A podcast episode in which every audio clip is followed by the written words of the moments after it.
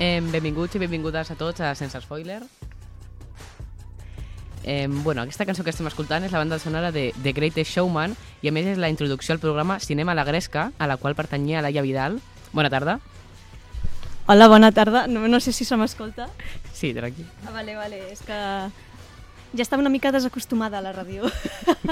Bueno, com dèiem, Laia Vidal és una actriu de doblatge i presentava un programa a Ràdio Molins de Rei eh, que, com deia, eh, The Greatest Showman és un musical. I és que avui, a part de, per, de comptar amb la Laia, parlarem de musicals del cinema. Ostres, quin tema... M'he pillat una mica d'imprevist. I també estem aquí amb l'Unai. Hola, Bueno, farem unes preguntetes. ok, vale, vale. eh, començo jo. Um, com vas descobrir que t'agradava el doblatge?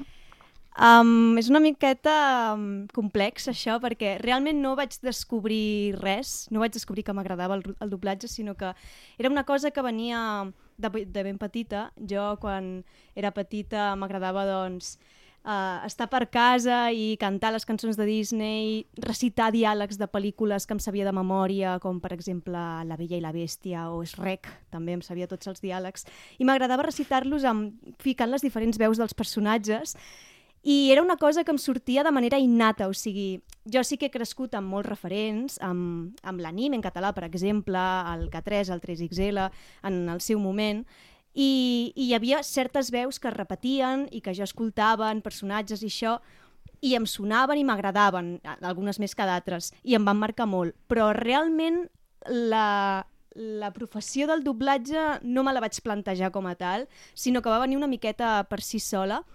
Quan estava a l'ESO, doncs jo ja m'estava plantejant que, que estudiar en el futur i, i mirant opcions de batxillerat i després d'universitat, perquè jo volia anar a la universitat, doncs buscant informació i això em vaig topar amb un banner de publicitat, al mail, que em ficava portes obertes de la Escuela de Doblaje de Barcelona. I allò va, allà va ser el punt clau on ja eh, la paraula doblatge va com tenir més sentit per mi, perquè fins aleshores doncs, jo tenia la idea que tothom té, o que més o menys tothom té des de fora, que és, ah, bueno, gent que fica veus, no? gent que imita veus i que sap, sap ficar diferents registres, però poca cosa més. Llavors, a partir d'allà va ser com em vaig interessar per allò, però més que res per una activitat per provar-la, per curiositat, no per dedicar-m'hi. Allà doncs anava a l'ESO, sigui, vull dir, tenia 15 anys, crec, anava a quart d'ESO, i, i res, vaig provar les portes obertes, em va cridar molt l'atenció, vaig fer un curs intensiu aquell estiu, de només un mes, eh, que provaves una miqueta l'experiència des de dins, en plan estar en una sala, eh, et ficaven uns takes de pel·lícules random, i aleshores doncs anaves provant, però era res, una experiència només per provar-ho.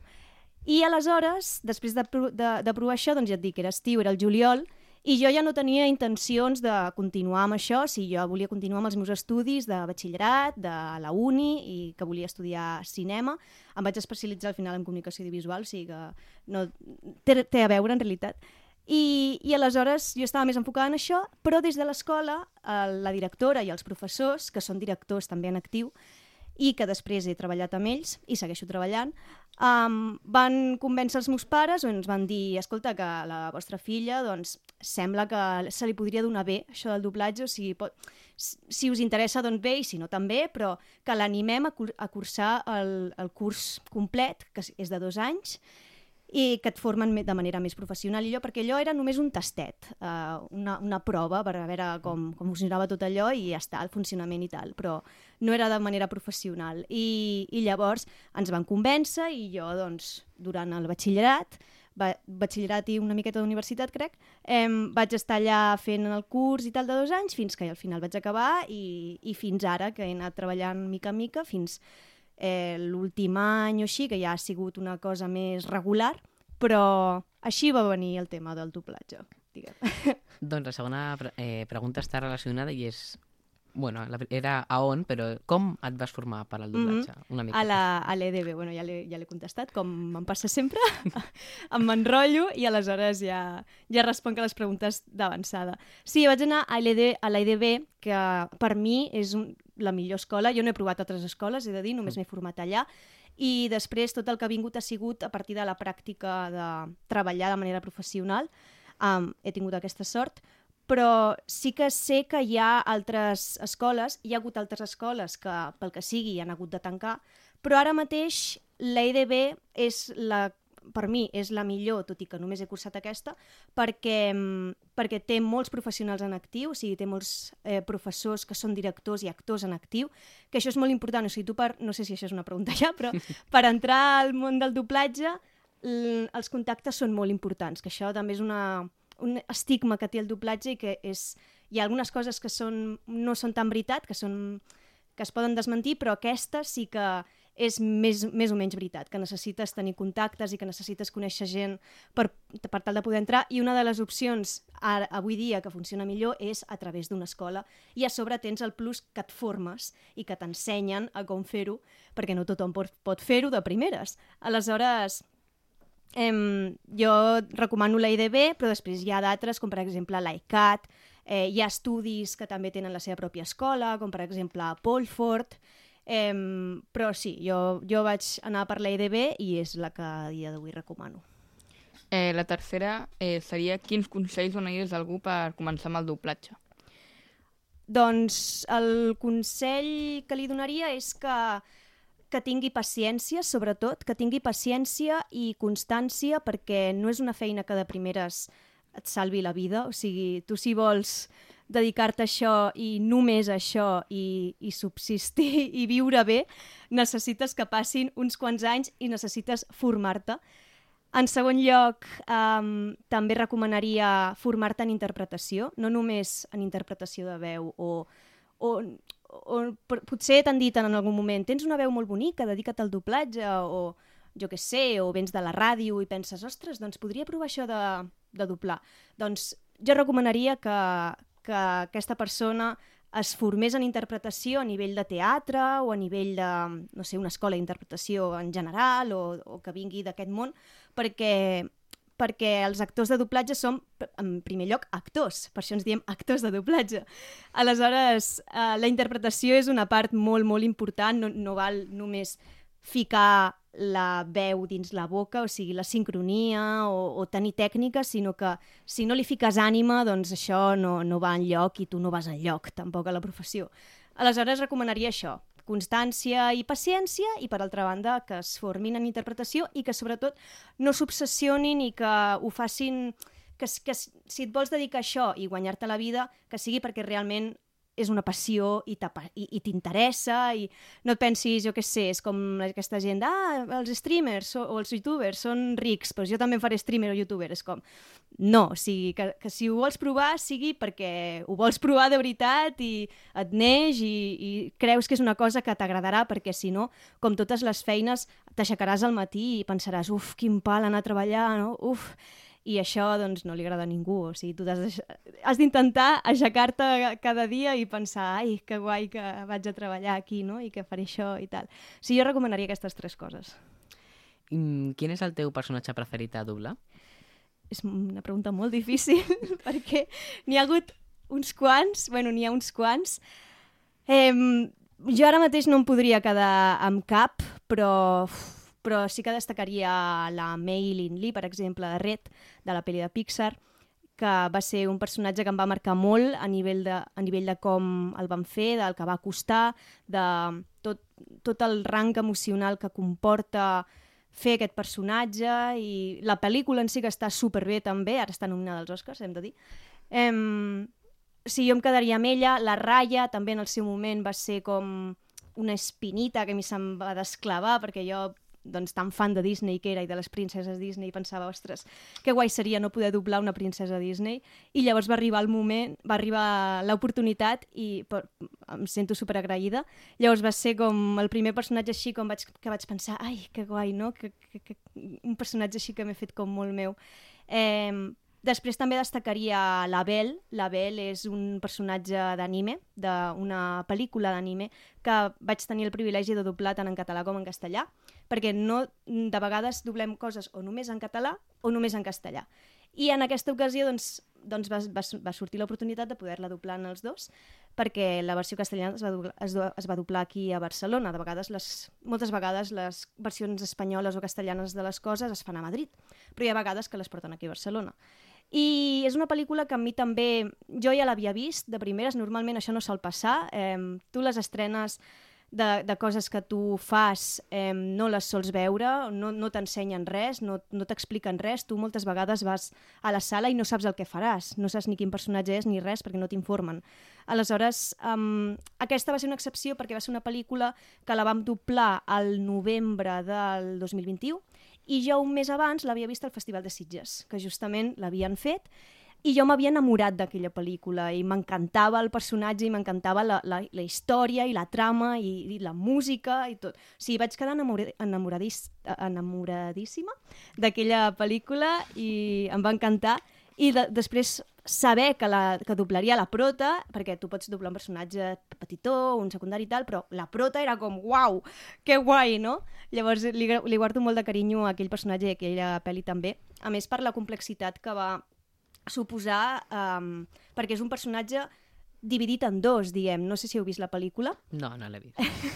Però si la veieu, sense fer-vos gaire spoiler, um, tenim un món real, que és, um, com és un anime, doncs està ambientat a l'institut i tal, i és una noia... Primer tenim la Suzu, que és la prota, que és una noia molt reprimida, que té un passat ple de traumes i li costa com trobar la seva veu interior i expressar-se llavors té com molts problemes d'aquesta mena. I és una història que està ambientada en el món real i després hi ha un món virtual que la gent té un avatar i llavors va, fa la vida virtual amb el seu avatar. I ella té un avatar que es diu Bel, que per això es diu Bel la pel·lícula, que es veu que és una cantant molt coneguda que es fa viral en el món virtual i ella es fa, doncs això, superconeguda a nivell mundial. Llavors tenim per, primer, per una banda la Suzu, que és aquesta noia reprimida, i per altra banda la Bel, que és aquesta noia que canta, que s'expressa, que és guapíssima, ella també té molt complex de que és... Eh, és lletja i tot, que ningú l'estima, i llavors a, a, al món virtual tothom l'estima i tal, llavors hi ha aquest contrast, i, i també són personatges molt diferents, aleshores vam haver de canviar la veu, i va ser un procés mm, molt diferent de com sol ser, i després, ja per últim, destacaria dos personatges en català, que són la Ia, del Super 3, que és, diríem, com la nova família dels súpers, que, que defineix el canal, que són els beta, i jo faig un dels personatges dels beta, que és la IA, que és una intel·ligència artificial que al principi era com una miqueta maliciosa, després es fa amiga seva dels, dels personatges principals i la diferència entre els altres doblatges que he fet i aquesta és que és un personatge que ve de zero, perquè com és una producció d'aquí de Catalunya, no hi havia un original, l'original era jo. Aleshores, um, amb, els director, amb, amb el guionista i amb el director d'actors doncs vam, vam estar definint el, el personatge i tot, i també va ser una experiència molt grata i un personatge que, que el mantinc molt a mi. I ja per últim seria la Noel de Black Clover, que és un anime que també està al Super 3, i jo no el coneixia, he de dir, i quan el vaig començar a veure em va, em va agradar bastant, no sé, la temàtica que tenia i tot, i les trames i els personatges, sobretot, perquè els personatges són super interessants d'aquell anime. I a mi m'ha tocat la Noel, que és un dels personatges femenins principals, i també mm, me l'estimo molt. eh, com vas arribar a Ràdio Molins de Rei? Ostres, pregunta curiosa. doncs va ser a partir del Dani, eh, del Dani Martínez, no sé si el coneixeu, eh, que és un, un noi de Sant Just. És una història una miqueta llarga, intentaré resumir-la encara que no se'm dona bé resumir les coses, però el cas és que eh, jo vaig tenir, doncs, quan era més petita, amb aquesta curiositat que tenia quan vaig descobrir l'escola de doblatge a Barcelona, per exemple, doncs a mi m'agradava mm, investigar doncs, activitats on, no sé, de provar diferents activitats, diguem. I una d'aquestes activitats que m'ha cridat l'atenció va ser la ràdio.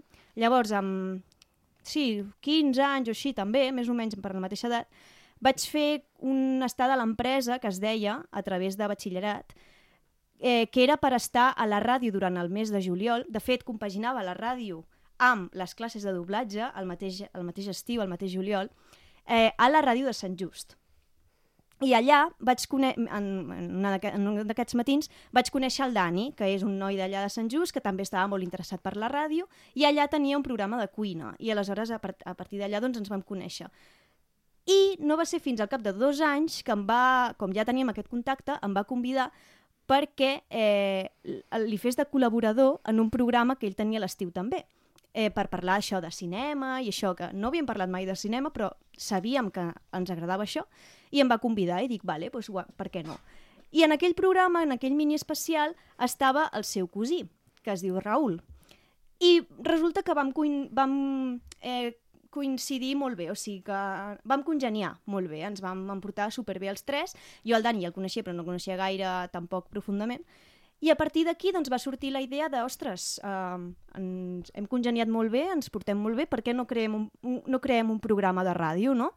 I, i com de localització ens anava millor Molins de Rei, a més el Dani feia un any que portava un programa de cinema aquí a, a Molins, ell sol, i volia companyia. Llavors ens va proposar que ens uníssim al seu, al seu programa de ràdio aquí a Molins de Rei i nosaltres vam acceptar, o sigui, el seu cosí i ell vam acceptar. Li vam canviar el nom perquè en aquell moment el programa es deia Un paradís de cinema. Potser algú que ens està escoltant de Molins se'n recorda d'aquell programa, que fa sis anys ja d'aquell programa, però bueno. I, I parlava això, el Dani Sol. I al final, doncs, com era un programa dels tres i no d'ell d'ell sol, doncs vam reformular el nom i al final vam pensar uh, pluja d'idees, què, què li posem? I van dir, ai, heu vist algun cop alguna pel·lícula a cinema a la fresca, en plan a l'aire lliure i tal? I vam pensar, per què no canviem el nom de cinema a la fresca a cinema a la gresca i fem aquest joc de paraules? I ens va agradar i així va sortir el programa. I el vam començar, doncs, diria que el 2017. I va durar des del 2017 fins l'any passat, que l'any passat ja el vam acabar. Doncs aquesta pregunta està relacionada i és... Mm -hmm. Quin és el teu episodi preferit de Cinema a la Gresca? Mm, ostres, és que han sigut tants i segura, i és que no me'n recordo de, de, de tots, evidentment, perquè han sigut moltíssims. Però hi ha hagut programes que eren com com normals, no? perquè els gravàvem cada divendres i eren més, no sé, més normals. Però després fèiem especials, també. Especial, com el que has dit, d'especial musicals eh, que també em van fer, crec. doncs un que recordo amb molta estima va ser el de Harry Potter, que va ser un dels primers, diria, de 5 anys va ser de la primera temporada. I era la primera vegada que parlàvem de Harry Potter, crec que durava dues hores el programa, perquè normalment el fèiem de 50 minuts, que és el que solen durar aquí. Però en aquell van fer un especial de dues hores, va venir eh, la dona del cosí del, del Dani, també a parlar amb els seus fills i tot. Vull dir que mm, no sé, va ser com un especial molt complet i això que, que va ser un dels primers, perquè després hem fet, n'hem fet un munt també. Va fer, vam fer un relacionat amb el tema d'Animales Fantàsticos, de l'última que es va estrenar, que vam, vam anar en directe a, a, justament a fora d'unes sales de cinema, que, que hi ha Hospitalet, a Gran Via, i vam muntar allà un post i tot, amb, no sé, hem fet com moltes coses, en especial des de Sitges, també hem fet, no sé, hi hauria uns quants que destacaria, però aquell el recordo molt de carinyo, el de Harry Potter, justament, no sé. Eh, com vas arribar a Twitch? A Twitch? Doncs eh, va ser a partir de, de la pandèmia la pandèmia a cadascú li va afectar de manera diferent.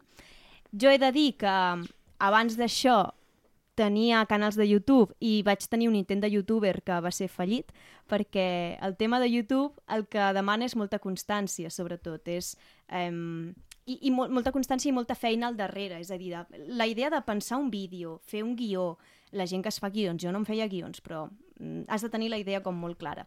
Posar-te a gravar, editar i tot, i, i ocupa molt de temps i al final em vaig frustrar i el vaig deixar una miqueta, abandu vaig deixar una miqueta abandonat al canal de YouTube. Però llavors va venir la pandèmia i amb la pandèmia doncs, tots estàvem, estàvem a casa i estàvem parats, ni que sigui el món es va parar i, i l'entreteniment era una cosa que sí que funcionava i Twitch va pegar un tirón va, va pegar un boom gràcies a la pandèmia perquè era un contingut que es podia fer des de casa i que podia entretenir a tota aquesta gent que estava parada a, a les seves llars. I a mi em va passar això, o sigui, jo vaig tenir una època molt forta de, de viciar-me a streamers, que en aquell moment doncs, no... Sí que, eren stream... sí que eren creadors de contingut o youtubers que coneixia, però no de Twitch. I llavors vaig començar a consumir Twitch i a partir d'aquí, per també alhora sortir d'una mala època que jo mm, arrossegava, doncs vaig decidir començar el, un canal a Twitch Primer era només de d'estudi, o sigui, jo feia com classes, bueno, classes, eh, sessions d'estudi, com si estiguessis en una, en una biblioteca virtual i la gent ens poguéssim concentrar, la gent que es connectava i tot. I després ja van ser, eh, juntament amb això, streams d'entreteniment també, reaccionant a vídeos, jugant a jocs, bueno, típic que fa la, la, la gent a Twitch. I, I va ser molt guai, o sigui, a mi, jo em vaig motivar molt, em vaig informar de com funcionaven les eh, normes de Twitch, què és el que més funcionava, el tema emo dels emotes, de eh, els, les subscripcions, tot, tot això, la monetització, com el tema d'afiliació, o sigui, hi ha molts termes de Twitch que no coneixia, perquè clar, ja et dic, no coneixia la plataforma, i a partir de, no sé, d'informar-me i tal, doncs vaig veure que està molt bé, o sigui que, que realment ofereix moltes eines per crear contingut interessant i molt xulo, moltes categories i això, i, i ara mateix no sóc tan tan constant perquè ja et dic, m'ho vaig prendre amb moltíssima motivació al principi i després ja és com que em vaig cansar una mica i ara ho faig de manera esporàdica quan em ve de gust, abans era en plan compromís, en plan, ostres, se'm subscriu una persona he de crear contingut dos o tres cops a la setmana per, perquè aquesta persona senti que, que la seva subscripció val la pena, no? Però, però si, si t'acabes obsessionant amb això, al final és com amb el, el que recomanava abans amb el tema del doblatge, que si t'hi si endinses és perquè realment t'apassiona i perquè sents que, que ho gaudiràs i t'agradarà. I amb el tema de Twitch, doncs, doncs igual, i amb, i amb tot, realment, és extrapolable en tot. Ara ve una pregunta difícil, que Uf. és, quina és la teva pel·lícula preferida? Ai, és que, mm, és que hi ha algun... Bueno, és que jo he tingut diverses èpoques i quan, si m'ho haguessis preguntat fa uns anys, tu ho tindries super clar, però és que ara mateix no et sabria dir, et sabria dir... És igual que amb el personatge preferit de doblatge, és impossible dir-te una, però, però les, de les que més m'han marcat, per exemple, són Your Name, en el seu moment, quan la vaig veure. Eh, és una pel·lícula que de tant en tant me'n recordo de, de, de l'obra mestra que és i la veig i m'obsessiono amb la música i tot. És una cosa que no, no passa de moda, igual que el Castillo Ambulante també, a nivell d'anime, dic, i d'animació, perquè a mi m'agrada molt l'animació. El Castillo Ambulante també té, té una cosa, té una, una màgia, una essència que és impossible d'explicar, com moltes pel·lícules de Ghibli, i, i no sé, em marquen molt. Després diria també eh, Los Mundos de Coraline. Los Mundos de Coraline és brutal, aquesta pel·lícula Eh, tinc una història molt especial també amb, amb la història, amb el llibre, amb, amb la novel·la gràfica, eh, que són com dues coses diferents. És igual que Los Juegos del Hambre, per exemple, que és una trilogia que a mi m'encanta, però els llibres van per una banda i la pel·lícula va per altra.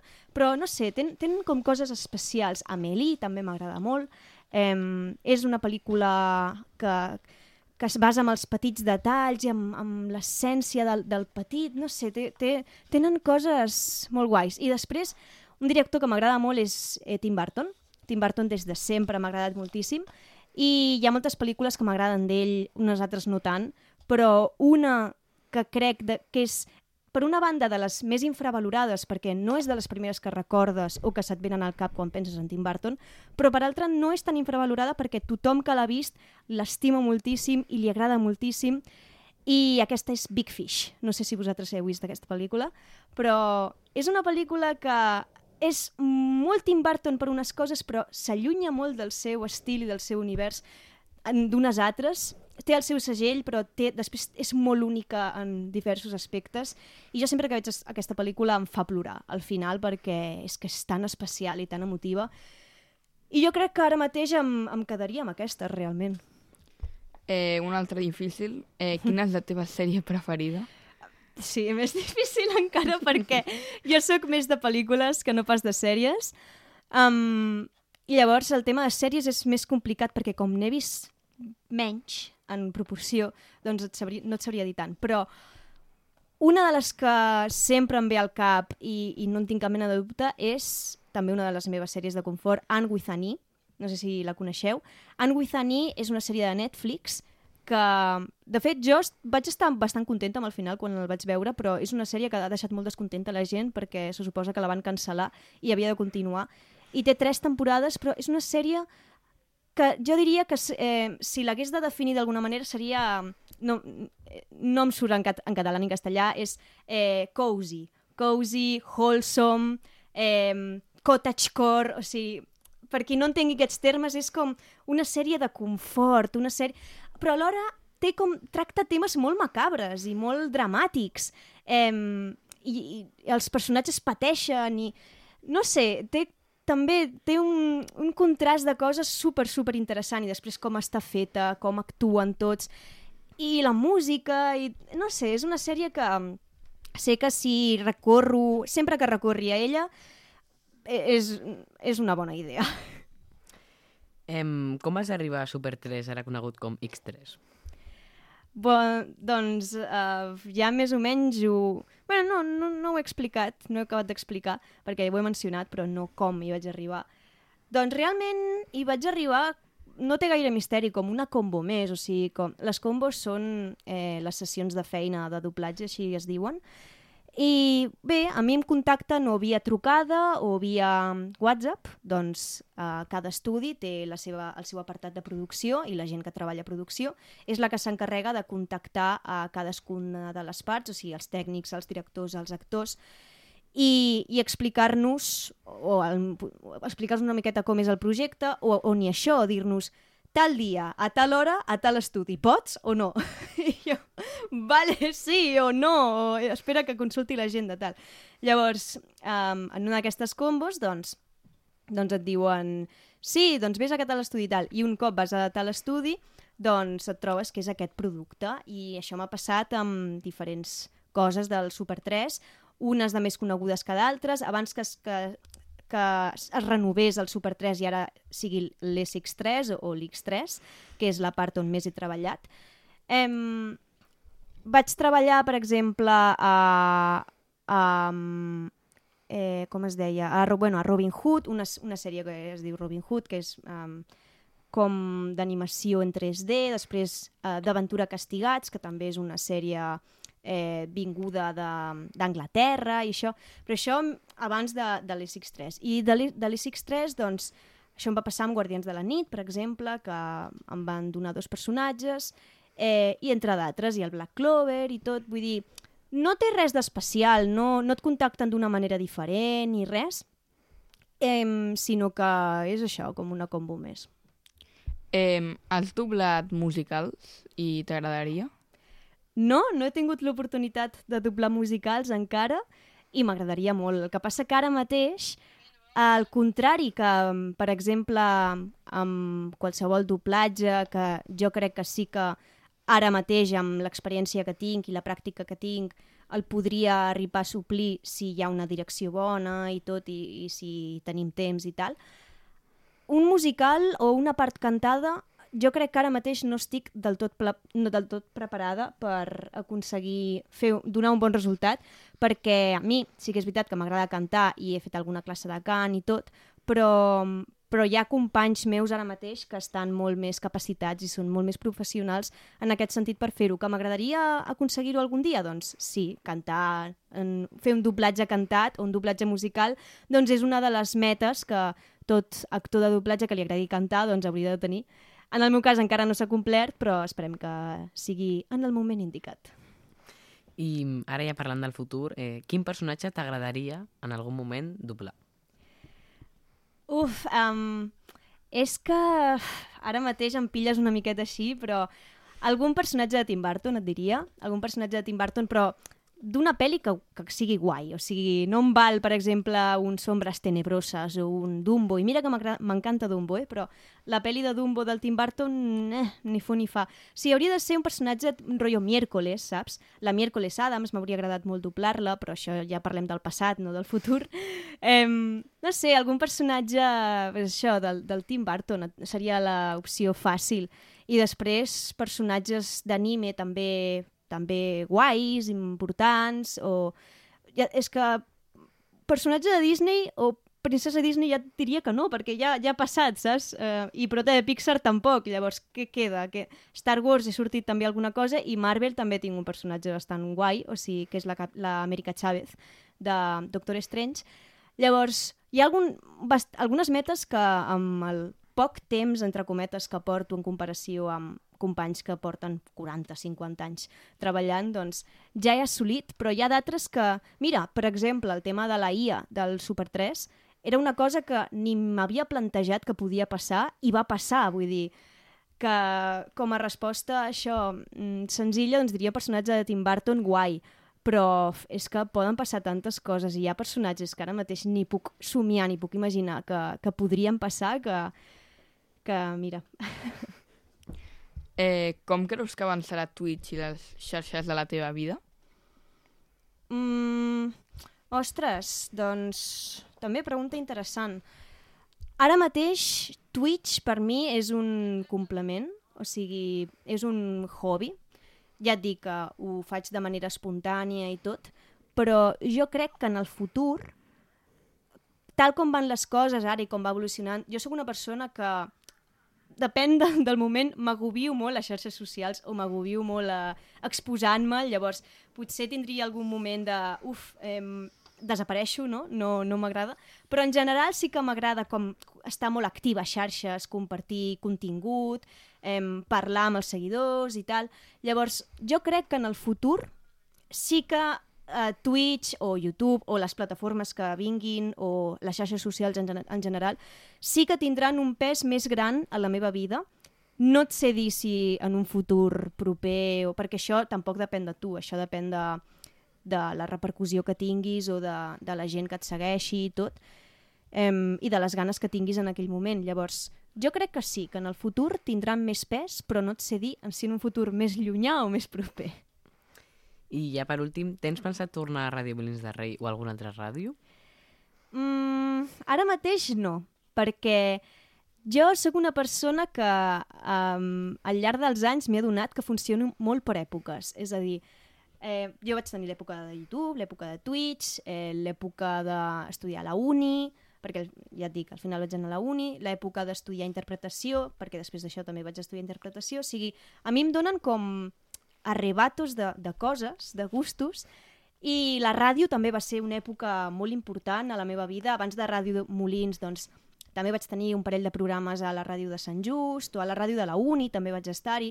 Vull dir, són etapes que m'han marcat, però no m'agrada com estirar-les massa o enfocar-me massa temps en això. Si, si ja he estat uns quants anys a la ràdio, no descarto tornar-hi perquè, evidentment, el tema de, del podcast ara mateix està en auge i m'he plantejat molts cops fer un podcast, ja sigui o jo sola o amb, amb qualsevol persona, pel nostre compte.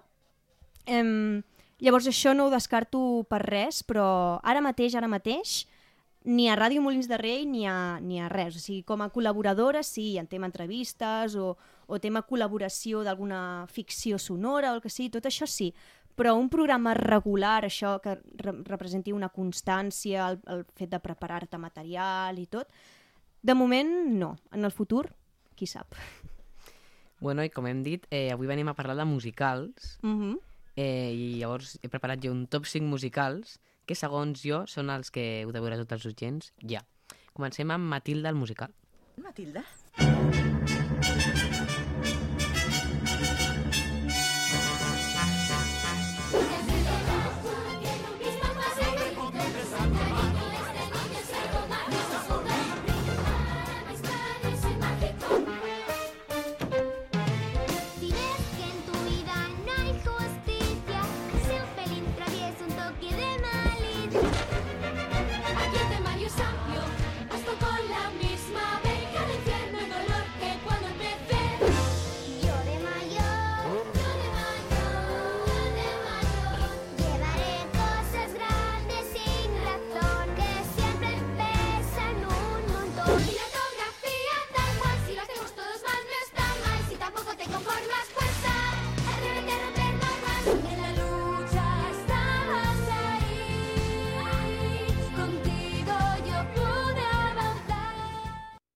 Matilda explica la història d'una nena extraordinària que, a pesar de tenir una ment aguda i una imaginació molt gran, eh, la seva història canvia perquè té uns resultats miraculosos. Està basada en l'obra de teatre de Londres, que alhora està basada en el llibre de Dennis Kelly, que alhora està basat en el llibre de Roald Dahl. Eh, bueno, aquí, com heu vist, us hem posat un resum de les millors cançons del musical i us recomano, no com vaig dir l'altre dia, sí que us la recomano en castellà, l'he tornat a veure i sí que la recomano en castellà aquest cop. Eh, un altre és La La Land.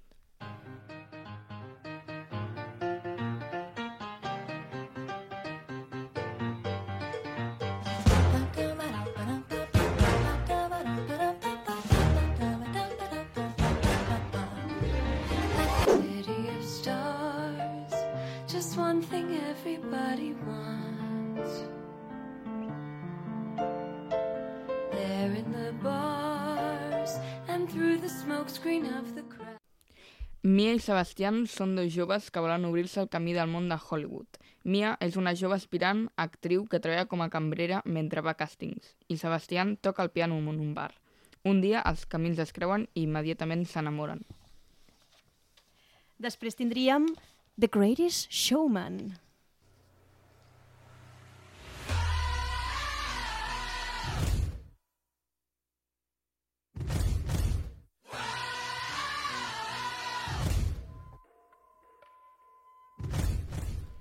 Per si no heu vist aquest musical, està ambientat en el segle XIX i el protagonista és en Phineas Barnum, o Barnum, que és un visionari que sorgeix així del no-res i crea un espectacle d'allò més fascinant, que és així com el, un poco circo de los horrores, però sin tant de los errores, per, de los horrores, perdó, perquè reuneix com uh, un grup de gent que està com marginada de la societat, que ningú els vol, i els reuneix per crear un espectacle que es convertirà en una sensació mundial que aquest espectacle es diu Ringling Bros and eh, Barnum i Bailey Circus.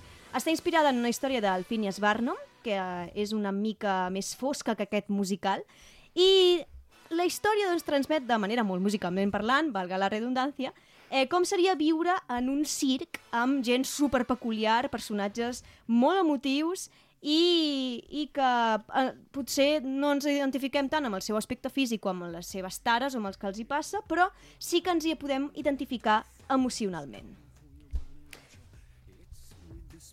Annie, del 2014.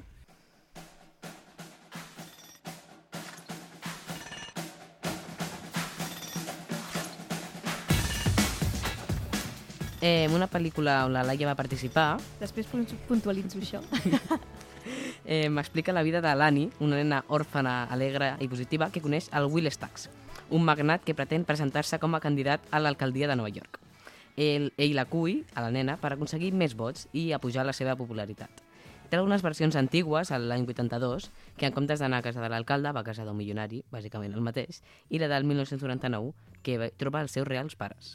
I no és només una pel·lícula on hi vaig participar, va ser la meva primera pel·lícula com a actriu de doblatge, o sigui, va ser la meva primera combo de totes, que hi ha molt, molta gent en el món del doblatge que comença fent ambients, o sigui, comença fent veus de fons i això, i jo vaig començar amb un personatget molt petitó, eh, no de l'original, evidentment, sinó del remake que es va fer eh, d'Annie, del 2014, fent una de les millors amigues de la Annie, que tenia res, cinc frases o això, i de fet allà el director em va preguntar, tu saps cantar?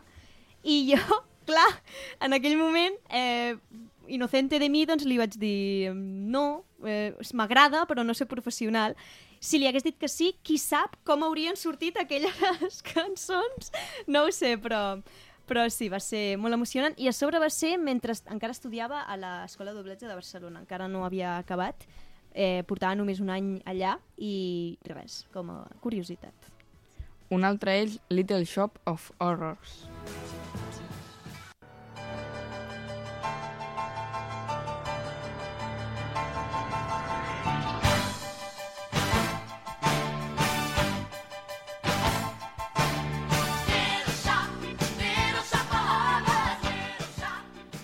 Seymour, un jove dependent d'una floristeria, està enamorat de la seva companyera Audrey, però surt amb un dentista sàdic eh, sàdic. Un dia, just després de- d'un estrany eclipsis, el Seymour compra una petita planta que bateja com a Audrey 2. Aquesta pel·lícula es va traduir al català. I per aquí us deixem algunes altres recomanacions dels musicals. Alguns dels més famosos. No sé si, bueno, anem comentant i si coneixes Mhm. algun i vols donar la teva opinió. Sí. Comencem amb Cantando bajo la lluvia o Singing in the Rain. Aquesta pel·lícula va ser estrenada l'any 52 i va ser produïda, produïda per Metro Goldwyn Mayer, la del Lleó, i va ser dirigida i protagonitzada per Jen Kelly. Eh, L'argument de fons eh, per aquest musical, musical és una història romàntica entre actors durant la transició del cinema mut al cine sonor. La cançó eh, que dona per títol a la pel·lícula és la més recordada del film, així com el ball de la protagonista amb un paraigües mentre canta sota la pluja. D'aquesta pel·lícula he de dir que jo la vaig descobrir en el programa de, de cinema La Gresca, de la ràdio de Molins, perquè jo no l'havia vist i un dels especials que vam fer va ser, no sé si era de musicals o va ser de Cantando bajo la lluvia o no sé si era de la secció que tenia el Raül, perquè jo portava la cartellera i el Raül portava pel·lícules més, més antigues. I una d'aquestes potser va ser Cantando bajo la lluvia. I com a deures doncs ens ficàvem, veieu aquesta pel·lícula perquè així la podem comentar una miqueta entre tots. I, i llavors la vaig veure i jo no sabia que anava sobre això, de la transició del cinema eh, mut al cinema sonor i em va, em va semblar un tema super, super interessant i ja sé que eh, la cançó més coneguda doncs, és la que li fica la veu, ai, és la que li fica la, el títol a la pel·lícula, però la pel·lícula té un, dos moments de ball molt concrets que són brutals. O sigui que us la recomanem un munt. Eh, el film va ser estrenat el 1972, va ser guanyador de 8 premis Oscar, tot un èxit per la pel·lícula musical, protagonitzada per la Lisa Mileli, Milegi i situada al Berlín als anys 30. Ens explica una història d'una jove americana que treballa en un club de la ciutat. La banda sonora va ser molt famosa i ha estat utilitzada per moltes ocasions fora de la pel·lícula. Podreu trobar-la a Netflix. Cabaret, pel·lícula jo aquesta no l'he vist. Jo, Cabaret. ta- jo tampoc, és a dir. o sigui que no la podem comentar. Bueno, eh, sembla interessant, però bueno, la veurem a Netflix, ja. Uh -huh. Eh, aquesta sí que segurament l'hagueu vist. Gris, Uh -huh. una altra pel·lícula musical americana estrenada l'any 1978 i dirigida i creada per a tots els públics. Bueno, no va ser dirigida per tots els públics. Està creada per a tots els públics i en especial els adolescents. Protagonitzada pel duet Olivia Newton-John i Sandy, com a Sandy i John Travolta com a Danny, està ambientada en un institut americà dels anys 50. Podria ser una preqüela de High School Musical, però molt més rebel en tots els sentits. Les seves cançons van ser mundialment famoses i van servir per llançar la carrera dels protagonistes al cinema. Va tenir una segona part, Gris 2, que ni de bon tros és, és tan bona com l'original. De fet, jo no la coneixia. Com passa moltes vegades. I s'han fet adaptacions teatrals, com la que està ara a cartellera a Barcelona, però la podeu veure de pagament a Amazon Prime i Apple TV. Uh -huh.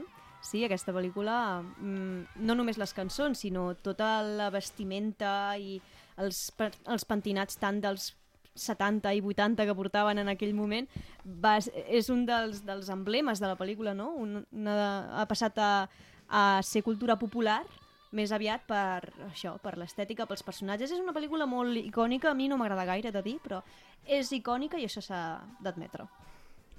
Eh, Moulin Rouge, pel·lícula del gènere musical estrenada el 2001 i protagonitzada per Nicola Kidman i Ewan McGregor. Va rebre 8 nominacions pels Oscars, però en va guanyar només dos. La història està ambientada als principis del segle XX a París, on un jove bohemi s'enamora d'una estrella del Moulin Rouge, un dels cabarets més famosos de França. La protagonista femenina haurà d'escollir entre l'amor real pel jove poeta o l'amor apostat d'un milionari. La femenina haurà de- d'escollir entre l'amor real pel... Ai, perdó. La pel·lícula va tenir molts fans i molts, molts detractors, ja que no contenia cap cançó original, com és habitual en les pel·lícules musicals. Totes, totes les cançons són més grans grets èxits dels pop i rock, com per exemple cançons dels grups com Nirvana, Madonna, The Police i etc. Per veure les vostres pròpies conclusions la podeu, viure, la podeu veure en pagament a l'Apple TV i Amazon Prime. Jo aquesta no l'he vist, però està la meva mare molt No? insistent. Està, està. Moulin Rouge, uh, que jo aquesta pel·lícula no l'havia vist tampoc i la vaig veure també pel Raül, de Ràdio Molins de Rei, perquè un dia la va portar, i també igual, havíem de fer els deures i l'havíem de veure. I aquí he de dir que l'Iwan McGregor fa un paper molt semblant a la pel·lícula que us he mencionat abans, la de Big Fish, d'aquesta de Tim Burton, perquè fa també d'un noi somiador i tot, i són papers molt, molt semblants, o jo que sé, o igual que en el remake de La Bella i la Bèstia, que també va fer de Lumière. Eh, són personatges que l'Iwan McGregor domina molt bé i en, en dueto amb la Nicole Kidman doncs, surten, surt una, una història molt... que tenen molta química entre ells i això de que les cançons no fossin originals després ha servit de precedent per uns quants musicals que també eh, que ta tampoc tenen cançons originals com per exemple Mamma Can- Mia Canta. o Canta la pel·lícula. Sí, sí, eh, també estava pensant en aquesta, justament. I ara ja queda poquet de temps, però anem amb la secció final, que és La màquina del temps. Quines pel·lícules es van estrenar tal dia com avui, però ja fa uns anys.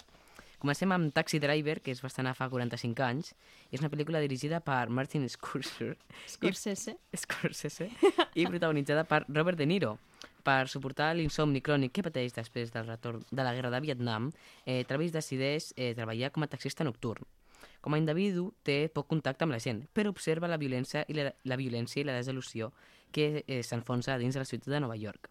Eh, Travis anota al seu diari totes les impressions fins que un dia decideix passar a l'acció. La trobareu a Movistar Plus. Eh, la, trobareu, la trobareu a Movistar Plus.